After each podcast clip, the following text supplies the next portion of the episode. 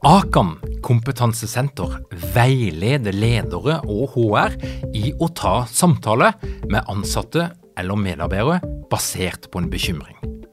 Akan setter ledere og medarbeidere i stand til å forebygge og håndtere en problematisk bruk av alkohol, narkotika, legemidler, spill eller doping blant ansatte. Ønsker du å lære mer om god forebygging og gjennomføring av samtale med en som du er bekymra for? Da kan du nå få tilgang på Akan sitt digitale samtalekurs til spesialpris, kun 760 kroner. Målet med kurset er å gjøre deg tryggere i det som kan være en krevende, men viktig samtale å ta i lederrollen. Du får tilgang til kurset med å gå til samtalekurs.no, samtalekurs.no, og bruke kampanjekoden LEDERPODDEN. Tilbudet gjelder ut april.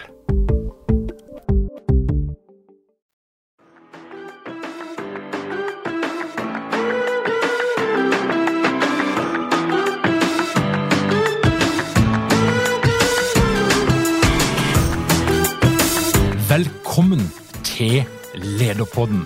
Mitt navn er Tor Åge Eikerapen. Jeg jobber som organisasjonspsykolog, og dette her er en podkast om ledelse. Velkommen til august! Det er dags for å brette opp ermene, stryke blusen, barbere bort ferieskjegget, eller hva du nå gjør for å komme i gang med en ny arbeidshøst. Selv om du nå ideelt sett skal være brun, uthvilt og sprekkeklar av motivasjon, har mange av oss erfart at det ikke alltid er sånn. Ferie kan være fryktelig slitsomt, spesielt når sola skinner nesten hver dag, som hun har gjort i sommer, for da må du gjøre ting. Du må reise der som ingen skulle tro at noen kunne bo, du må bestige Tinde, du må komponere de beste Insta-bildene fra Lofoten, du må få årskortet i Dyreparken til å lønne seg, og alt annet som tar seg bra ut på sosiale medier. Og Som tidligere nevnt, så opplever jo mange at det kan være på kanten til traumatisk å måtte ufrivillig tilbringe flere dager tett på familie og venner i trange, både klamme hytter og mobile boenheter, og som Seinfeld sier, people are the worst.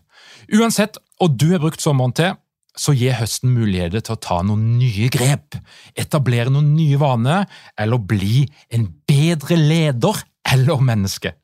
Hvis du velger å kaste deg hodestups inn i en fullbooka kalender, ja, da kaster du kanskje bort en verdifull mulighet.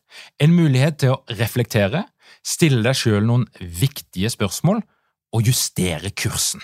Eventuelt sikte deg inn på noen nye mål som bidrar til at du får gjort noe mer eller noe bedre enn det du ellers hadde gjort. Cecilie Tunem Sånum hun er en samfunnsengasjert forfatter, spaltist, rådgiver og foredragsholder. Hun er òg en etter hvert kjent isbader, og hun er spesielt opptatt av hvordan vi bruker tida vår. Hva skal til for at vi når mål, og hvordan skaper vi balanse i livene våre? Velkommen til Lederpodden, Cecilie. Tusen, tusen takk skal du ha, Tor Åge. Hyggelig for å være her. Cecilie, du er opptatt av mange ting. Jeg opplever jo deg som en ganske kreativ dame med masse prosjekter som du gjennomfører og kjører på med. Og Derfor så lurer jeg jo litt på liksom, hvor du er akkurat nå. og er det du brenner mest for? Bortsett fra det å kanskje tviholde litt på sommerferien? Jeg brenner faktisk mest for å slippe sommerferien litt. Jeg brenner for august. Jeg er veldig glad i august. Eh, denne nye starten, litt sånn skarpere luft mens det fortsatt er varme.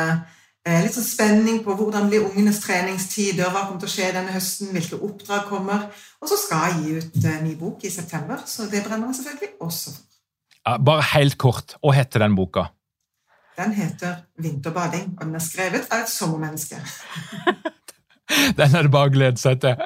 Men dette her med høsten altså, eh, Det er jo lett for mange å bare hoppe inn i en kalender som allerede er fullbooka. mange har jo vent seg til den siste tida og har sånne eh, Teams-sesjoner som gjenger fra morgen til kveld. altså Det er en teppelegge dagen sin med møte. Og, og, og, jeg tenker nok at mange vil lett begå den feilen at de bare hopper inn der de slapp før sommeren. Men det er jo ikke nødvendigvis den beste måten å gjøre det på. Hva tenker du? Nei, Jeg er selvfølgelig helt enig. Det er vel derfor jeg får lov å komme og besøke deg. Ehm, det, det, verste det er jo at vi gjerne har det så travelt rett før ferien at vi begynner allerede før ferien å booke inn ting som vi skal ta fatt i i august. Ehm, så da har vi allerede starta på minussiden for noen av oss. Ehm, men jeg tenker at august går litt sakte. I hvert fall de første par ukene av august så har vi sjanse til å tenke litt lengre tanker. Kanskje flytte litt på noe av det vi hadde tenkt å gjøre. Evaluere tidsbruken vår, og så se om vi kan gjøre det på en litt annen måte denne gangen. Og hva er det som, liksom, Hvilken type mulighet er det vi har? da? Hva er det vi kan bruke den, her, den lille lomma før ting virkelig setter i gang? Og kan vi bruke det til? Det er å sette seg klare mål. Hvordan vil jeg ha det? Hvordan vil jeg leve? Hvem vil jeg være på jobb og på privaten? Og det høres veldig lett ut, og irriterende egentlig, å høre på.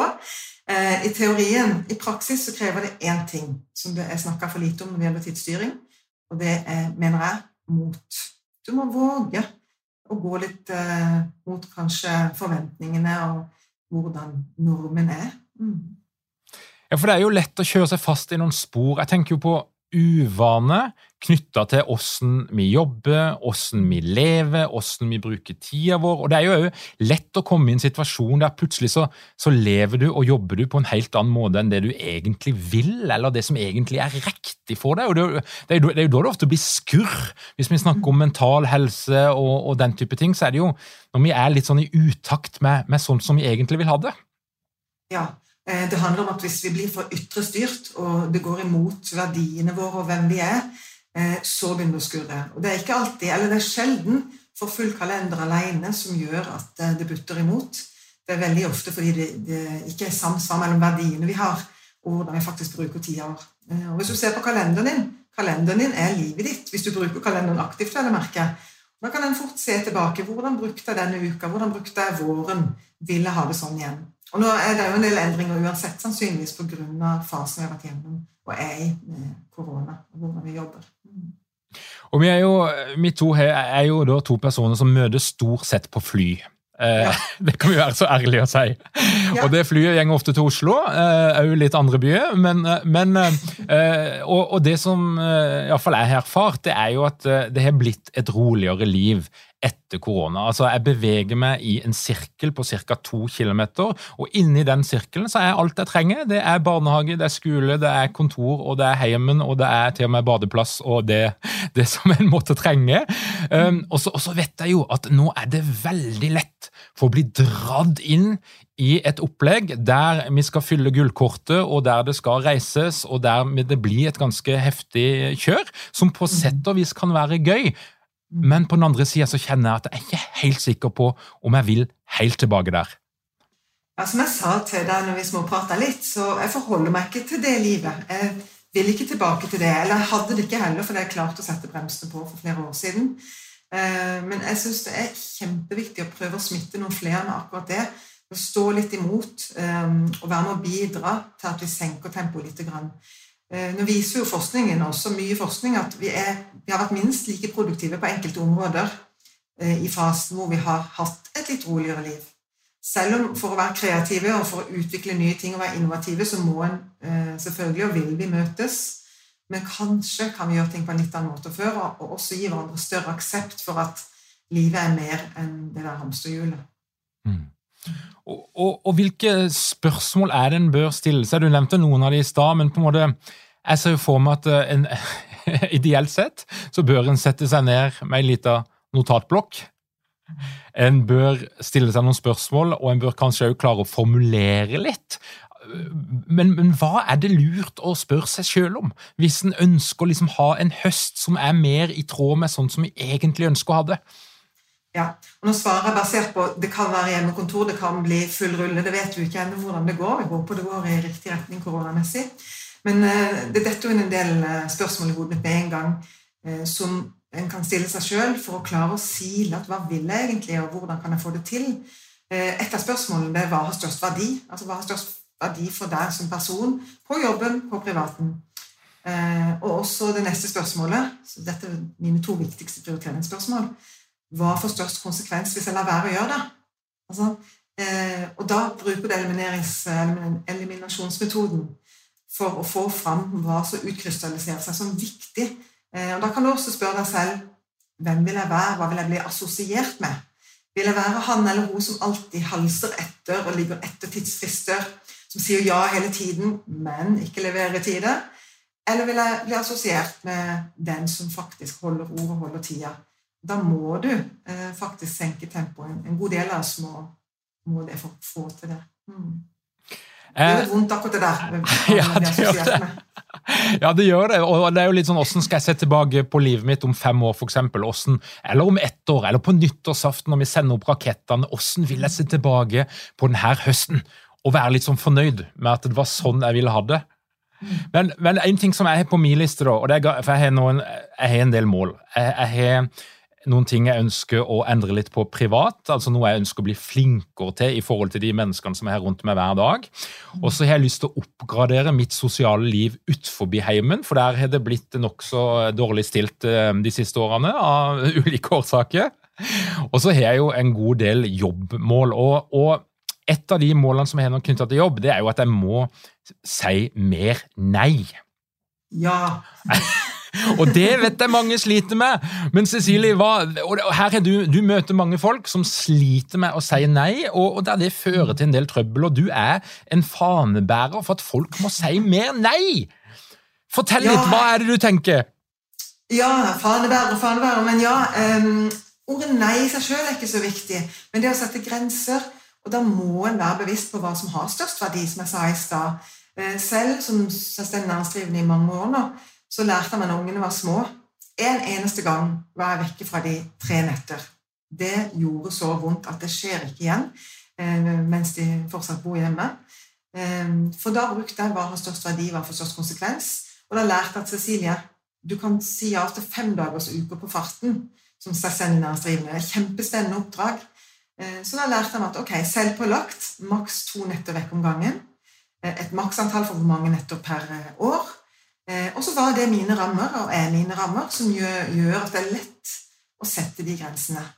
En annen ting det er det å ta betenkningstid. Det å si at jeg skal sjekke, jeg kommer tilbake til deg'. Og så kan en si, uten å begrunne hvorfor, at takk for henvendelsen eller takk for invitasjonen. Det kan være på privaten. Det passer ikke da. Uten å gå i fella og begrunne hvorfor du har de prioriteringene du har. Hva tenker du? Hva gjør du for å sette grenser og få til alt det du sier du vil få til i? Ja, nei, jeg, jeg, tykker det er ofte vanskelig, for det er, det er lett å få dårlig samvittighet. Ja. Det er lett å kjenne at du burde, og at det er en slags du, Jeg har lyst til å være den som sier ja, da. Uh, og jeg, jeg, blir bedre på det støtt og stadig, og jeg må, men jeg må ha den der runden med meg sjøl. Altså, hva er det viktigste av det viktige, og hva skjer hvis du sier ja til alt? Hvilken ja, konsekvens får det? Ja, eh, og da lærte jeg meg et triks, for jeg sa ja til alt for eh, mange år siden. Og det jeg lærte meg da, det var at jeg tilbyr et alternativ når du takker nei til noe. Eh, om det er en arbeidsoppgave som noen vil du skal gjøre denne uka, et oppdrag, om det er bursdagsselskap, så, så lærte jeg at jeg, jeg kunne si vet du, det passer ikke akkurat da, men kan vi møtes da? Eller jeg kan gjøre det for deg neste uke. Så hvis du tilbyr et alternativ at jeg kan ikke komme i den bursdagen, men skal vi ta en kaffe dagen før? Eller, ja. Eh, og hvis det er viktig nok for den andre personen, eh, så flott. Da har du service, og vi møtes. Hvis det ikke er viktig nok, eller hvis oppgaven haster, så må de løse det på en annen måte. Mm. Og dette her er jo litt sånn, litt sånn forskjell i eh, private relasjoner og i en jobbsammenheng, tenker jeg. Altså I en jobbsammenheng ja. så, så, er det jo noen sånn, Vi har jo noen ideer om hva vil det si å være en god leverandør eller en god samarbeidspartner med våre kunder. Mm. Der, der, har vi jo en idé, og spesielt hvis det er faste kunder og folk som, ja, som har stor tillit til deg, da, så har vi jo en følelse at uh, vi skal være litt på tilbudssida, vi skal si ja, og vi skal strekke oss litt ekstra. Hvordan, ja. hvordan løser vi dette her? Jo, igjen, hvis du har litt sånn klare retningslinjer for hvordan du bruker tiden din, og en, en slags rytme eller struktur på hverdagen, både som ansatt, som leder Har dere mange ledere uten trening eller utdannelse innen ledelse? Mangler dere en felles kultur og praksis for ledelse? Ønsker dere å være bedre rustet for fremtidig vekst og endring? Da kan et internt lederutviklingsprogram være en god investering. I Execu så er vi eksperter på å designe og gjennomføre bedriftsinterne lederutviklingsprogram. Hvis du ønsker å lære mer om hvordan vi kan hjelpe dykken til å få enda bedre ledere, ta og klikk deg inn på execu.no.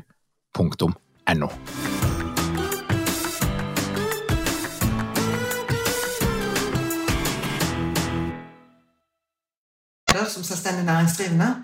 Eh, så hvis min kunde sier hei, kan vi ta et møte røper jeg for mye her, klokka halv ni på mandag, så sier jeg halv ni passer ikke, men kan vi ta det klokka ti? Det jeg ikke sier til kunden, det er at klokka halv ni så er det stor sannsynlighet for at jeg er på en crossfit-økt. Hvorfor det? Da vil de føle seg nedprioritert, selvfølgelig. Men for at jeg skal kunne prestere og yte maks for den kunden, så trenger jeg å ta vare på meg selv. Så, så, det handler litt om å sette seg noen rammer istedenfor å la strikken strekkes hele veien og si ja til alt, og så går det på akkord med kvaliteten du leverer, fordi du ikke får gjort de tingene rundt som gjør at du kan levere som ansatt, leder eller selvstendig, eh, som du ønsker å bli assosiert med. Mm. Så ikke si til noen da, hva gjør man da? Nei, altså, det skal jeg passe på å ikke gjøre. Men, og eh, jeg håper ikke du husker ikke legge ut noe på Instagram eller noe sånt heller, for det, vi må ha noe hemmelig her. Det som jeg tenker litt på, det er jo hva, hva, er det de gjør, de som er flinke til dette her? For at eh, I denne podkasten snakker jeg med mange ulike folk. Og um, stort sett så får jeg til en avtale. Men det fins noen, og det er utelukkende kvinner, uten at det nødvendigvis trenger å ha noe med saken å gjøre. Men, men, men de er bare sånn at de setter av et halvt år til kun fokusere på én ting. Og, og, selv om da et intervju på denne podkasten til en halvtime, 40 minutter eller litt mer, så nei, nei, det er stengt. Det er ikke mulig. og, og, da blir jeg på den ene sida litt sånn frustrert, for jeg har veldig lyst til å snakke med dem. Eh, men på den andre sida blir jeg jo òg ganske imponert. Er det mulig å være så dedikert at du bare låser et halvår til å fokusere på én ting, og så låser du neste halvår til noe helt annet? Det er jo fantastisk. men, ja. men, men, hvem er det som får til denne balansen på en god måte, og er det som kjennetegner deg? Ja, det er jo nummer én at de har tro på det de holder på med, at de har lyst til det de holder på med. At De klarer å sette grenser. Men å sette grenser betyr ikke å være avvisende. Sant? Det er som er kunsten her, å klare å Eh, takke nei eller sette de grensene, være målrettet uten å virke avvisende. Så hvis du inviterer meg Jeg er veldig glad at jeg fikk kort varsel, for da passer det bra. Hadde du bedt meg komme om tre uker, så hadde det vært vanskeligere å si ja, for jeg vet ikke hvordan verden ser ut om tre uker med boklansering av høst og oppdrag. Eh, så jeg tenker at kunsten er litt å si eh, tusen takk, men det passer ikke da, det passer da, uten å begrunne nei, dette halvåret er satt av til. For da føler du deg nedprioritert. Er det én ting jeg ikke vil, med noen mennesker rundt meg, så at de skal føle seg nedprioritert. Mm. Og så er det jo noen som gjør det allikevel, selv om du gjør alt dette boka. Hva tenker du da? Jeg opplever du av og til at det, at det er noen som, som, lett blir krenka, som lett føler seg avvist, og at liksom, det skal ikke så himla mye til? At det er nesten umulig å si nei uten at de føler seg avvist? Og da trenger jo ikke det ha noen ting med det å gjøre. Nei, og der er jeg litt brutal. Skal jeg tøffe meg litt. Eh, for det jeg pleier å si da, det er at eh, Altså, Vi vil jo så gjerne bli likt av alle. Det vil jo jeg også. Eh, den dårlige nyheten på denne sendinga er at hvis du skal være god på noe og god for noen, så må du våge å være dårlig på noe annet. Og sorry, dårlig for noen andre. Ikke slem mot noen andre, men dårlig for noen andre. Altså la være å stille opp.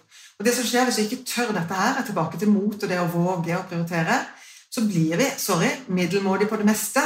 Det vil vi ikke være, vil vi det? da? Vil vi ikke det? Ja? Nei, vi vil ikke det, altså. Det er å velge hvem vil du være god for, og hva vil du være god på?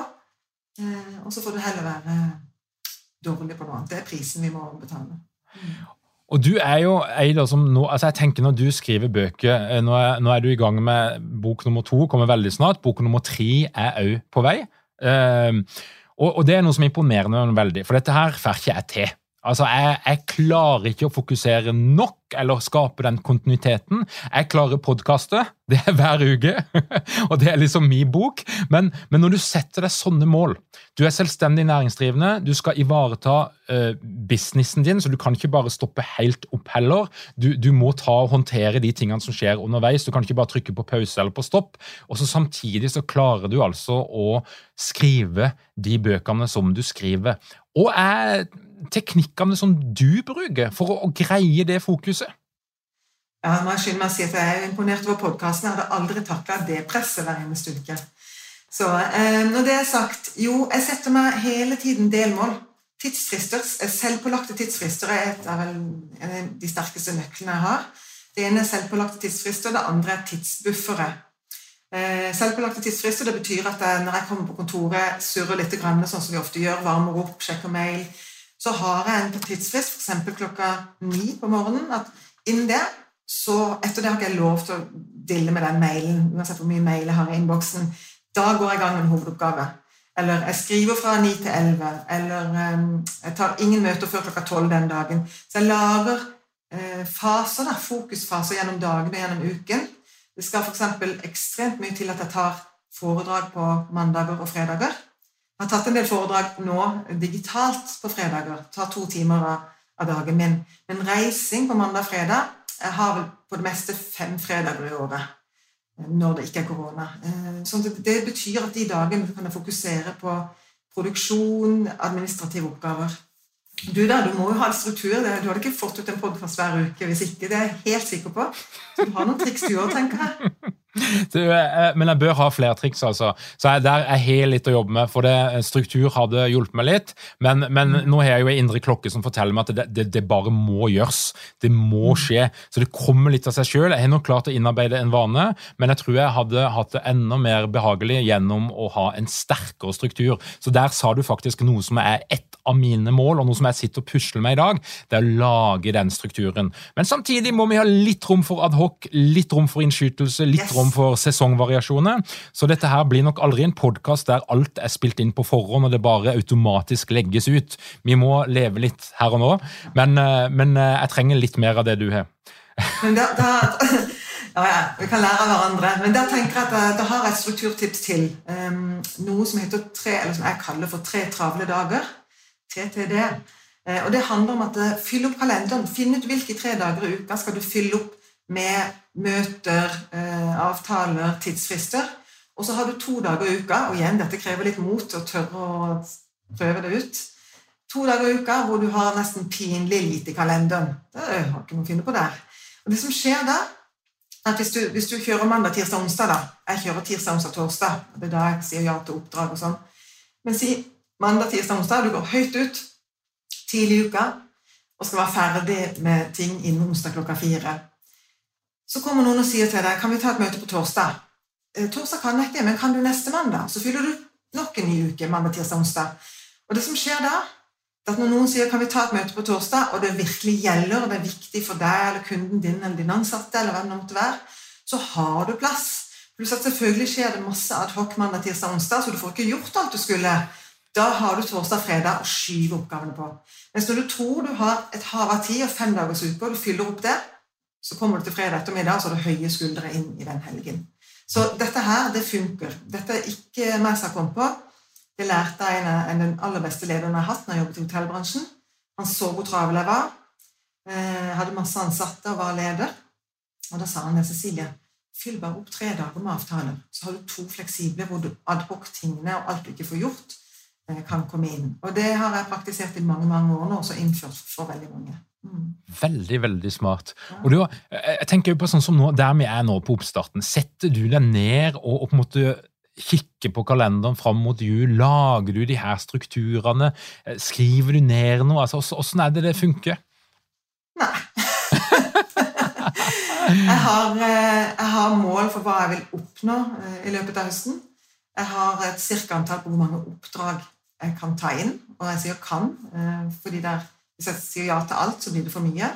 Og så har jeg mål om hvor jeg skal være f.eks. med neste bok, som ikke kommer i år i det hele tatt. Jeg tenker Den kommer sikkert ikke før om et år eller annet.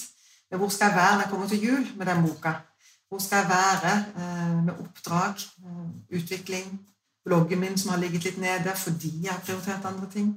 Så eh, hvordan verden, spesielt nå i koronatiden, hvordan verden ser ut i november-desember, det vet jeg ikke. Eh, så jeg forholder meg i grunnen veldig til den neste måneden, neste kvartalet, eh, tidsmessig. Mm.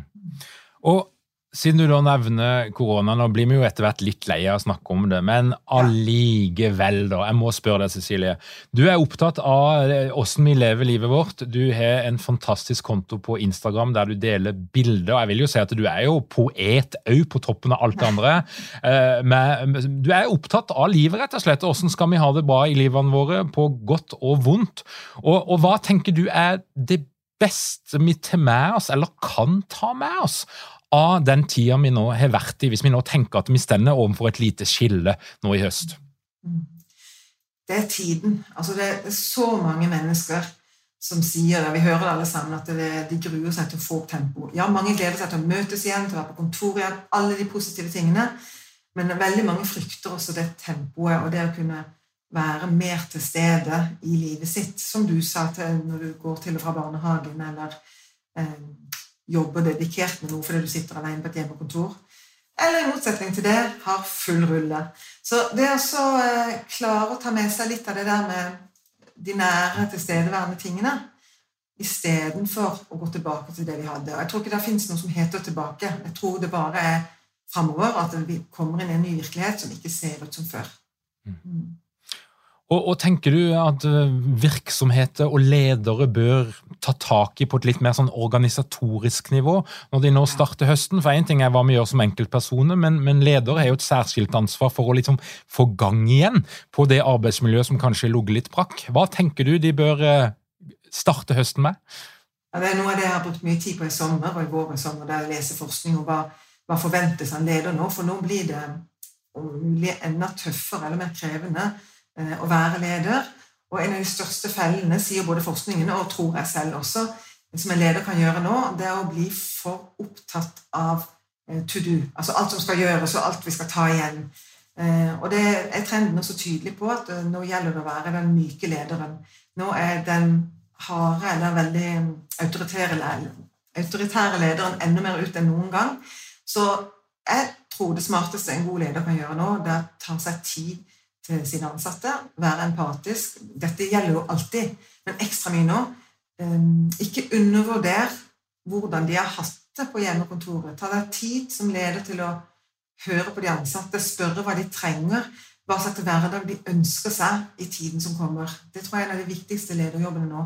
Finne ut hvordan skape eh, fornøyde, eh, sunne medarbeidere som kan gjøre en god jobb under litt andre vilkår enn før. For det blir mer fleksitid. Det blir en annen struktur enn før.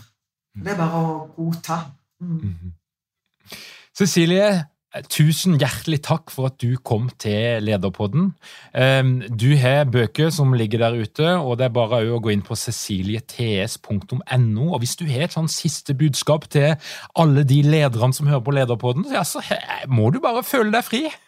Hva er din oppfordring til alle som hører på, eh, for å få en best mulig start på denne høsten? Ja, det kom spontant, men eh, det er å gi deg tid. Gi de rundt deg tid. Og mest av alt, gjør det du har tro på. Mm. Igjen, tusen takk for at du kom til Lederpodden, Cecilie. Takk for meg. Til alle dere som hører på, Tusen takk for at du hører på Lederpodden. Hvis du ønsker å finne mer ut om, om vi har å by på, så er det bare å komme deg inn på lederpodden.no. Legg igjen e-postadressen din, så får du vårt ukentlige nyhetsbrev som kommer hver eneste fredag. Og inntil vi høres igjen, så ønsker jeg deg ei veldig god uke. Og igjen takk for at du hører på Lederpodden.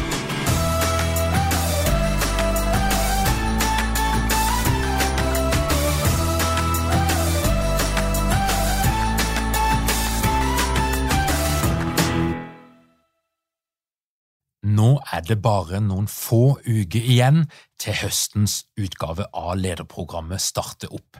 Vi er i gang 7. september. Hvis du vil være med, så kan du gå inn på lederprogrammet.no.